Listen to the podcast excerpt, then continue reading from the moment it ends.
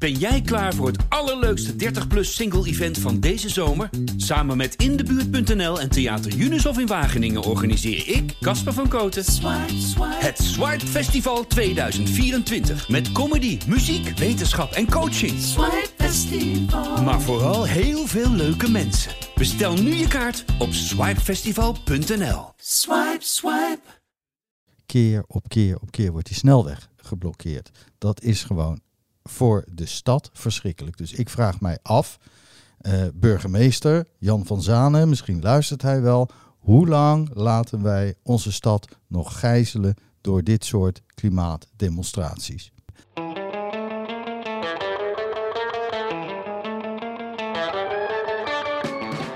Welkom bij Crime de la Crime, de podcast van strafadvocaten Peter Schouten en Onno de Jong over recht en rechtvaardigheid. Mijn naam is Charlene Hezen, journalist bij het AD en in deze podcast jullie gesprekspartner in crime. Nou, we beginnen vandaag eh, met nieuws over jou, Onno. Eh, recent is namelijk bekend geworden dat Ja. jij opnieuw bent aangetreden als advocaat van de kroongetuigen in het Marengo-proces. Ja, wat kan je hier eigenlijk over vertellen? Nou, eh Charlene, niet heel veel. Ik kan alleen bevestigen dat dat zo is. Ik ben opnieuw advocaat van de kroongetuigen in, in het Marengo-proces. En verder kan ik daar inhoudelijk niets over zeggen. Nee, nou ja. Dat ga ik ook niet doen. Nee, dat is duidelijk. Dus wat, wat, wat is de eh, invloed hiervan eh, op wat luisteraars van jou kunnen verwachten in de podcast bijvoorbeeld? Nou, ik denk niet, niet, niet zoveel. Ik bedoel, eh, ik bedoel niet dat ze niets kunnen verwachten, maar dit zal, die invloed zal heel beperkt zijn, denk ik. Kijk, ik, ik sta de kroongetuige bij Marengo. Dat betekent dat ik goed ingevoerd ben weer in, in dat proces. En eh, dat ik eh, gewoon kan praten over als er dingen in dat proces gebeuren. Bijvoorbeeld, eh, wat is de stand van zaken? Hoe lang gaat het nog duren? Moeten er nog dingen gebeuren? Wanneer wordt de uitspraak verwacht? Dat soort algemene dingen kan ik natuurlijk wel vertellen. En kan, kan ik ook wel wat over verduidelijken misschien. Maar meer denk ik ook niet. En ik denk ook niet dat dat goed is. Als het gaat om inhoudelijke zaken, dan laat ik dat graag over aan, aan anderen. Om, eh, om daar vrij over te praten. Ja. Zonder mij te sparen. Nou ja, goed. Dan is dan in ieder geval, als het een roze olifant is, dan is hij in ieder geval nu weg. Ja, toch? Dan gaan we het even over iets anders hebben. eh, de orde van de dag. Een situatie waar jij, Onno, als Hagenaar of Hagenees, wat vind je zelf? Ben je een Hagenaar of een Hagenees? Eh, ik ben geboren op Scheveningen. Dus eigenlijk ben ik geen van beide. Oh. Dus ik ben een schollenkop eh, eigenlijk. Eh, maar ik denk dat ik een Hagenees ben. Oké, Ja. oké. Nou ja, goed. Jij als Hagenees hebt Ja. ook dagelijks mee te maken, namelijk de Extinction Rebellion blokkade op de A12. Oh. Praat me er niet van. Het is echt verschrikkelijk. Het is, eh, je moet je voorstellen, ik woon in Den Haag. Onze stad is natuurlijk al de stad waar gedemonstreerd wordt. Als er gedemonstreerd moet worden, dan gebeurt dat in Den Haag. We hebben een prachtig Malieveld, gigantisch groot, met hele goede eh, aan- en afvoerwegen. Eh, waar ook hele grote concerten plaatsvinden, waar gedemonstreerd kan worden. En dan wordt dus keer op keer op keer wordt die snelweg geblokkeerd. Dat is gewoon voor de stad verschrikkelijk. Dus ik vraag mij af, eh, burgemeester Jan van Zanen, misschien luistert hij wel, hoe lang laten wij onze stad nog gijzelen door dit soort klimaatdemonstraties? Nou ja, goed, laten we daar straks vooral over Ja. hebben. Want Peter, kan jij misschien uitleggen wat er eigenlijk precies, eh, wat de situatie daar is? Waarom protesteren ze? Hoe protesteren? Dat kan ik wel. Hè. De eh, Extinction Rebellion eh, protesteert eigenlijk uit onvrede met het overheidsbeleid eh, als het gaat om fossiele brandstoffen. Hè, het is dus eigenlijk een protest tegen belastingkortingen en subsidies voor big oil. Hè, dus de oliemaatschappijen die ook voor een groot deel verantwoordelijk zijn voor eh, eh, ja, eh, de het klimaatcrisis.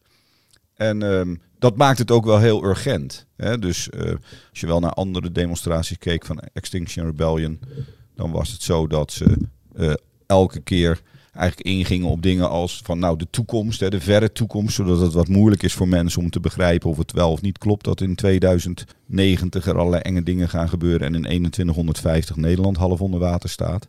Maar nu zijn ze wel heel urgent bezig. Dus ze willen gewoon dat die, die eh, subsidies worden afgeschaft, dat de Shell niet miljarden krijgt van de overheid.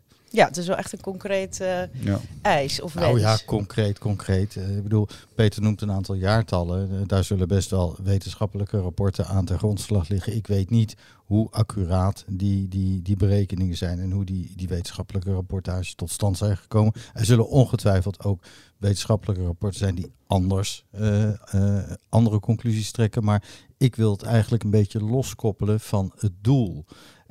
het gaat erom, in hoeverre je als samenleving tolereert dat jouw leefomgeving, jouw ruimte, wordt opgeëist door demonstraties waardoor jij als samenleving, waardoor de samenleving enorme beperkingen en overlast ondervindt. Ja. En ik vind die vraag veel belangrijker dan het doel. Want daar kun je het wel mee eens zijn, daar kun je het niet mee eens zijn, maar dat is een kwestie van, van uh, wetenschappelijke of politieke overtuiging. Daar moeten we ons denk ik niet aan wagen. Het gaat erom in hoeverre uh, mag een demonstratie overlast veroorzaken voor, uh, voor de samenleving. Ja, Nee, dat, nou dat, want ze zijn inderdaad van plan om elke dag dit te Ja, eigenlijk als je naar de geschiedenis kijkt van uh, protesten en demonstraties, is het allemaal juist kleinschaliger geworden. Hè. We hadden natuurlijk in 1966 uh, de, de, uh, zeg maar de demonstraties met eh, de provos en de rookbommen. En in 1983 hadden we op het Malieveld,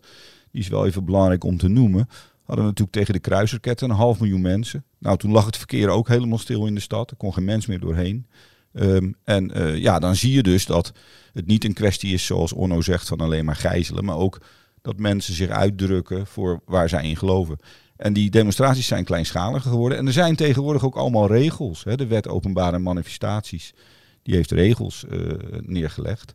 Men noemt dat wel het polder demonstreren. Hè. Je moet als het ware goed uh, overleggen. En uh, je, je, je, maakt een melding bij de burgemeester. Mm -hmm. En dan kan de burgemeester allerlei beperkingen aan je demonstratie stellen. En dat gebeurt tegenwoordig steeds vaker. Dus er worden vaker beperkingen van allerlei aard uh, worden er uh, aan die demonstraties gehangen. we wel even, even voor opstellen dat je voor een demonstratie, in tegenstelling tot wat vele mensen denken, je hebt daar geen vergunning nee. voor nodig. Je mag vrij demonstreren. Dat is natuurlijk een van de grondkenmerken van het recht Onze op, rechtsstaat, op demonstratie. Ja. Ja. ja. Dus je hebt daar geen vergunning voor nodig. Maar met het oog op, op de openbare orde, verkeer, gezondheid, uh, veiligheid kan de burgemeester of kunnen de autoriteiten regels stellen aan zo'n demonstratie. En ik vind dat dat op dit moment, zeker met het oog op uh, Extinction Rebellion, dat dat te weinig gebeurt. Want wat ik wel belangrijk vind is, als je die snelweg gaat blokkeren. Mm -hmm. hè? Peter zegt van ja, het gaat om, om uh, het uiten van, van een mening. Nou, of van een, van een overtuiging. Dat begrijp ik, daar is een demonstratie voor. Maar wat is de zin van het demonstreren op de snelweg en daarmee een hoop overlast veroorzaken als 20 meter verderop aan je linkerhand het Malieveld ligt, waar je met 100.000 mensen, echt 100.000 mensen, tegelijk op kunt staan en demonstreren en allerlei andere activiteiten kunt ontplooien. Ja, ik ben Wat is de zin dan? Ik ben geen uh, eh, XR-lid, maar ik, die zin snap ik wel. De, de, impact die het maakt, ik bedoel, kijk, als we op het Malieveld gaan staan dan uh, ja, dat maakt, dat, daar heeft niemand letterlijk last van. Nou, dat uh, en dat zal dus ook geen gevolgen, of daar hebben weinig mensen last van. Maar ik bedoel, ze willen natuurlijk impact maken, net zoals de boeren impact wilden maken, of ja. de blokkeervriezinnen, of mensen die uh, ja, ontregelen. Ja, en weet je voor onze um, uh, luisteraars is ook wel dat alleen een burgemeester mag een demonstratie beëindigen. Hè? Dus het is niet zo dat de politie zomaar op eigen gezag een demonstratie mag beëindigen. Dat mag alleen een burgemeester. Um, dus in die zin ligt er voor Van Zanen wel een, een, een, zware taak nu om te bepalen van, nou, wat moet ik hier nu mee? Laat ik dit nog dagen doorgaan of, of niet? En uh, wij nemen deze uh, podcast natuurlijk nu wat eerder op uh, dan, um, dan dat we weten wat er is gebeurd na dinsdag vorige week, toen er duizenden mensen zijn aangehouden. Mm -hmm. um, en, en de aanhouding van die mensen is natuurlijk alweer een vraagstuk op zich. Want als we even kijken naar de juridische kanten van demonstraties, is het natuurlijk de vraag van ja, waarom worden deze mensen aangehouden? Zijn ze allemaal echt uh, een strafbaar feit aan het plegen? Ja. Of worden ze gewoon bijvoorbeeld betrokken in de demonstratie terwijl ze zelf eigenlijk niets verkeerds doen en alleen maar daar zijn om te demonstreren? Uh, Ik weet niet hoe jij erover denkt, Onno, maar als je natuurlijk 5000 mensen gaat arresteren of 10.000, Mhm. dan, dan heb je natuurlijk best wel een probleem om, om al die mensen eh, van hun rechten te voorzien. Nou, sorry, ik denk, ik denk dat dat dan onmogelijk wordt. Eh, stel, stel dat je, even los van het feit dat je het niet kan. Hè? Ik bedoel, de politie kan niet eens 10.000 mensen arresteren. Daar hebben ze de mankracht niet voor. Die mensen kunnen ze niet kwijt. Da- Daar zijn niet genoeg politiebureaus voor waar je ze kunt heen brengen voor verhoor of wat dan maar ook. Er zijn niet genoeg eh, advocaten voor het, eh, om het recht op eh, bijstand bij een verhoor eh, te gaan waarborgen. Dus dat gaat allemaal niet. Dus dat betekent dat je eh, de klus zult moeten klaren in het kader van de openbare orde. En, wel jammer en dat, jij geen piketdienst hebt eh, in eh, Den Haag, want dat was wel dikke business voor je geweest. ja, ja, ja, maar op, op dat soort eh, eh, diensten zit ik heel eerlijk gezegd niet te wachten. Ehm, maar dat betekent dus dat je het zult moeten klaren op, op, op basis van de openbare orde. De mensen die op die, op die snelwegen eh, zitten en die die snelwegen blokkeren, die veroorzaken zoveel eh, overlast en, en schade, zodat je op grond van het voorkomen van de ontwrichting van de openbare orde kunt besluiten die plekken te ontruimen. En dan hoef je ze niet, dan hoef je ze alleen maar weg te brengen of, of eh, van de snelweg te verwijderen. Dan hoef je ze niet aan te houden op basis van een strafbaar feit. Wat Nee, volgens mij wordt ze dan in een grote bus gezet en ergens bij Hoek van Holland eh, afgezet. En dan mogen Ja. ze terug naar huis lopen. Nou, ik was wel even nieuwsgierig wat eh, Onno bedoelde met op zulke piketdiensten zit ik niet te wachten. Bedoel je dan piketdiensten überhaupt? Of bedoel je dat eigenlijk demonstranten dan geen eh, rechten zouden eh, he- hebben? En Nee, dat zeg ik helemaal niet. Ik zit, Nee, er, ik alleen niet, ik zit er alleen niet op, eh, op, op te wachten. Ik denk niet dat het zo, zo fijn is om, om eh, tien demonstranten, want, want meer zul je er niet kunnen doen in een paar uur, dat je, die, dat je piket hebt, eh, om die daar bijstand bij een verhoor te verlenen. Ik bedoel, dat, dat, dat is Het heeft niet natuurlijk niet echt... voorkeur. Nee, maar dat heeft even, niet mijn even Misschien voor voorkeur. duidelijk piket. Piket is toch gewoon een soort corvée-dienst voor advocaten. Ja. Die eh, Ja. af en toe in de moeten bijstaan. Of mensen die eh, een advocaat verdienen of verdienen. Nou ja, als, je, als je wordt aangehouden, dan heb je recht op bijstand van de advocaat. krijgen. En als je die dus niet in je telefoon hebt staan, dan komen jullie. Eh, nee, het, het is zo dat, dat iemand die wordt aangehouden ehm, recht heeft op bijstand van een advocaat. Daar is een piketdienst voor, die wordt georganiseerd door de Raad voor de Rechtsbijstand. En daar kun je dan eh, voor opgeven. Dan kom je op de piketlijst en dan wordt de dienstdoende advocaat wordt gebeld. Maar je kunt ook, als je zelf een advocaat hebt of je wilt een andere advocaat dan de piketadvocaat, dan kun je een zogenaamde voorkeursadvocaat opgeven. Ja, precies. En, en eh, doet eigenlijk in principe iedere advocaat, die zijn er, kan je daaronder uitkomen? Ik had het idee dat dat gewoon erbij hoort, dat je dat... Ja, hij moet je Ja. hiervoor opgeven. Maar hier is overigens wel natuurlijk de vraag. En jij zei het zelf goed, eh eh, Charlene. De vraag is natuurlijk van ja, worden de mensen echt aangehouden om voor verhoor naar een politiebureau te worden Mhm. geleid? Of worden ze inderdaad ergens buiten de stad eh, gedropt, zodat ze eh, weer terug kunnen lopen? En eh, ik heb wel begrepen dat er voorzichtig wordt opgetreden, dat het beleid zo is. Dat niet veel mensen echt worden aangehouden om naar het politiebureau. Nou, ja, dat zou dan ook snel te Ja. vol raken. En dat het eigenlijk dan wel moet gaan om dingen als echt geweldspleging of hele duidelijke, eh, het plegen van een heel duidelijk strafbaar feit als eh, uitlokking opruiing met hele kwalijke taal.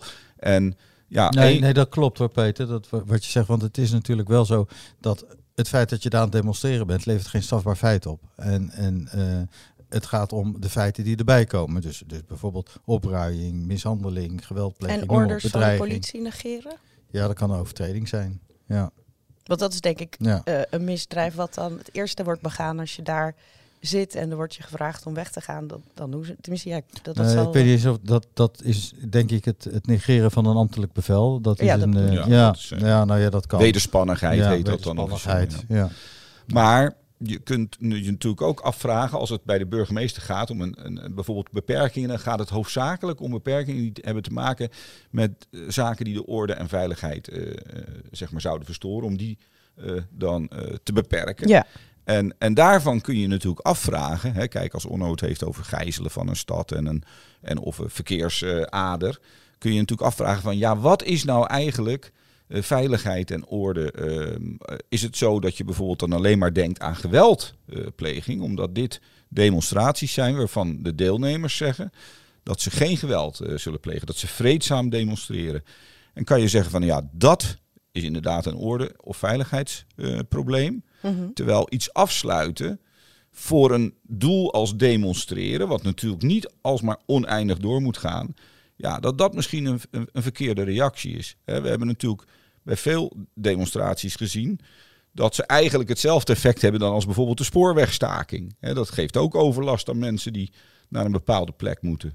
Ja, en dan kan je zeggen van nou misschien moet daar toch anders over worden nagedacht. Dat als mensen, grote groepen mensen zich ergens over willen uitspreken en er dan voor kiezen om dit soort impact neer te leggen, dat er niet te snel zou moeten worden opgetreden. En ik vind dat de burgemeester van Den Haag dat ook best wel goed heeft opgepakt in het begin. Het is niet zo dat je ziet dat hij er als een havik bovenop springt. Nee, maar het is precies wat je zegt in het begin. En ik denk dat nu wel het punt zo'n beetje bereikt is mm, waarop je van de burgemeester mag vragen om nu wat kordater op te treden en te zorgen dat uh, dit soort demonstraties waarbij gewoon de stad op zich heel veel overlast ondervindt. Want ik zal je zeggen, de A12 daar hè, op dat punt, dat is eigenlijk de enige grote toegangsweg tot Den, tot Den Haag.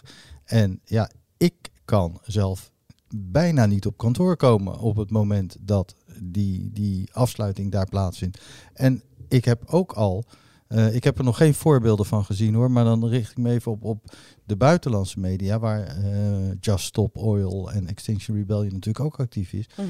dat, daar zijn bijvoorbeeld in Londen al gevallen geweest waarbij uh, ambulances geblokkeerd werden, waardoor er mensen niet op tijd in het ziekenhuis hebben, hebben kunnen komen. Dat hebben we met de boerenprotesten meegemaakt. Ja, dat hebben we ook met de boerenprotesten meegemaakt. Maar dat vind ik wel hele ernstige zaken. En één zo'n zaak is al één te veel. En ik vind dat je dat moet voorkomen voordat er ongelukken gaan gebeuren. Dus nogmaals, burgemeester, nu optreden. Ja. Nou ja, als, hè, je zou kunnen zeggen van, en daar ben ik het dan wel met Onno uh, eens. Je zou kunnen zeggen van, ja, er is wel een, een grens. Hè. Je, je kunt niet uh, wekenlang uh, doorgaan. Kijk, Extinction Rebellion demonstreert omdat ze de planeet leefbaar willen houden. Hè, en zeggen van, nou, dat gaat nu niet goed. Maar je kunt natuurlijk niet doorgaan met uh, hinderen. Dus ja, een van de dingen die je zult zien bij dit soort demonstraties is dat er toch een keer een beperking komt op het aantal dagen of dat die groepen zich dan verplaatsen. Um, als het gaat over veiligheid, kunnen we natuurlijk niet het veiligheidsdenken alsmaar bovenaan plaatsen. Want dan kun je bijna wel iedere demonstratie in Nederland die niet heel erg georganiseerd is, kun je eigenlijk wel uh, vergeten. Iets anders hè. Uh, als, als je nou zo'n demonstratie doet. Ik bedoel, het is, geen, het, het, is, een, het is een recht en het is uh, iets wat eigenlijk niet aan, aan een vergunning is, is gebonden. Maar stel nou, je veroorzaakt daarbij een hoop schade. Want dat er mensen schade lijden is natuurlijk duidelijk. Hè? Ik bedoel, uh, ondernemers die niet op tijd bevoorraad worden, moeten omrijden. Dat, dat kost allemaal geld. Ja, plus uh, dat het een enorme aanslag is op de voor of de, de capaciteit van de politie en de wegwerkers, uh, exact. Werkers, Dat had ik nog niet eens. Maar, maar hoeveel. Uh, ik heb nog geen gevallen gezien waarin er geprobeerd wordt om bijvoorbeeld die schade op die mensen te verhalen. En ik vind dat je daar echt wel naar moet gaan kijken. Als je schade veroorzaakt, als je onrechtmatig handelt en daardoor schade veroorzaakt, dan vind ik dat die schade op jou verhaald mag worden. Nou, nu moet ik twee stellingen beantwoorden. De eerste is of, of de politie dan te ver gaat in het monitoren van mensen uh, en hun uh, gedrag die uh, bekend staan als mensen die vaker demonstreren. Ik zeg in de eerste plaats dat het natuurlijk niet vreemd is dat de politie de sociale media afstruint om te kijken of er sprake is van opruiing of mensen zeggen dat ze wapens meenemen. Dat moet allemaal goed bekeken worden. En de sociale media zijn ook openbare bronnen waar mensen zelf voor kiezen om erop te staan. Maar wat ik niet vind dat kan, is dat de politie, en dat vind ik ook toch wel dat ze dan hun boekje te buiten gaan. Dat de politie dus mensen waarvan zij vinden dat ze denken dat die vaak demonstreren, thuis gaan opzoeken.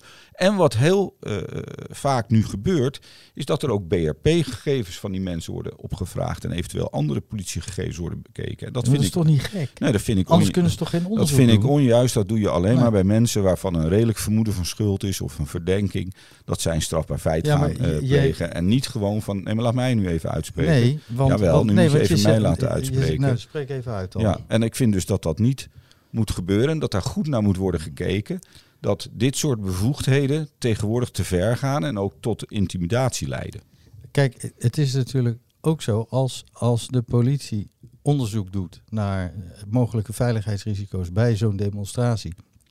En je komt op, uh, op, op uh, een, een sociaal medium kom je mensen tegen waarvan jij dat inschat, dan ontstaat er op dat moment mogelijk al een redelijk vermoeden van schuld. Dus het is volstrekt logisch dat de politie daarop voortbouwend dan ook eens gaat praten met die mensen of andere gegevens van die mensen op, opvraagt. Strafbladgegevens, laten we even naar de documentatie kijken. Waar, wat heeft die man of vrouw in het verleden gedaan? Een soort Volstrekt van logisch. Ik, ik, vind, ik vind dat we op dit moment eh, veel te voorzichtig zijn in het handhaven van onze openbare orde. Uit angst dat we het verwijt krijgen eh, dat we essentiële grondrechten zouden inperken. Want dat Nou ja, is niet dat het is- geval. dat is niet- natuurlijk niet, het laat, geval. dan moet je mij even laten uitpraten. Ja. Dat is niet het geval. Ik vind dat we, al dat we eh, eh, veel harder onze samenleving, onze leefruimte moeten beschermen. Nou ja, eh, ik vind dus dat we de privacy van mensen moeten beschermen. En alleen als er duidelijke aanleiding toe is, eh, zoals eh, dus inderdaad gegevens over dat ze gaan uitlokken, of aan het uitlokken zijn, sorry, op dat moment, dat je het dan zou kunnen doen. Daar komt nog bij dat veel geweld wat tijdens die demonstraties ontstaat, eigenlijk geweld is dat wordt veroorzaakt door het optreden van de politie. Ook daar is dan onderzoek naar gedaan. En dan zie je dat er tegenwoordig veel te hard wordt opgetreden. En dat daarmee eigenlijk ook sprake is van het creëren van eh, gewelddadige demonstraties. Omdat daar dan automatisch een soort reactie, vaak een ongestuurde reactie op komt. Oh ja, da- da- daar wil ik dan nog even een voorbeeld van geven. Ja. Want daar ben ik het helemaal niet met Peter eens dat er te hard wordt opgetreden. Als je ziet hoe zachtzinnig deze betogers worden weggesleept, soms zelfs in een karretje gezet en, en worden weggetrokken. Eh, de waterspuit, hè, die, die wel eens wordt ingezet, ja, dat is zeker bij 30 graden is dat gewoon een soort eh, eh, heerlijke verkoelingsdouche. En ik zou je zeggen, destijds waren er ook van dat soort demonstraties van Extinction Rebellion eh, op de snelweg in Den Haag. En toen werden die mensen ook nat gespoten. Die liepen dan vervolgens naar het Malieveld, hè, 50 meter verderop. En daar stond de brandweer klaar met tenten. En daar konden die mensen dan zich afdrogen, kregen een kopje soep. En dan konden ze, daarna weer, konden ze daarna weer terug. Ik vond het belachelijk. Nou, ik vind het eigenlijk wel mooi. En je geeft nu voorbeelden waar het wel goed gaat. En ik zeg ook, ik zei ik ook geloof ik aan het begin, dat ik vind dat Extinction, Extinction Rebellion met deze eh, demonstratie best wel eh, in de handen mag wrijven hoe ze behandeld zijn de eerste dagen. Ondanks dat er 2900 mensen werden aangehouden. Hoe lang denken jullie dat de demonstranten en de stad dit dagelijkse protest kunnen volhouden? Ja, het, het zal in ieder geval afgelopen moeten zijn op eh, Prinsjesdag. Want eh, dat wordt dan wel heel erg druk in Ja, Den Haag. ik bedoel, dan heb je natuurlijk een enorm veiligheidsrisico al die dag. Je hebt al die diensten nodig, maar ja, Prinsjesdag, dan heeft het wel heel lang geduurd. Ja, anders wordt het eh, wel een matte klap, denk ja, ik. Dat denk Ja. ik wel. Ik denk, maar ik denk wel dat dat de deadline moet zijn. Dan moet het afgelopen zijn. Ja, of ze stoppen één dagje. Ja, gaan voor Onno is het dan al veel te lang. Veel te dan is het meer dan een week bezig. Ja. Nou, dan, Ja. eh, dan kan hij elke keer Ja. eh, niet goed naar zijn eh, kantoor toe. Nou, inderdaad. Dit was Crime de la Crime. Heb je vragen of reacties? Mail dan naar crime de la crime de podcast at gmail.com. Volgende week zijn we er weer met een verse aflevering. Abonneer je ondertussen via Spotify of Apple Podcast. Tot volgende keer.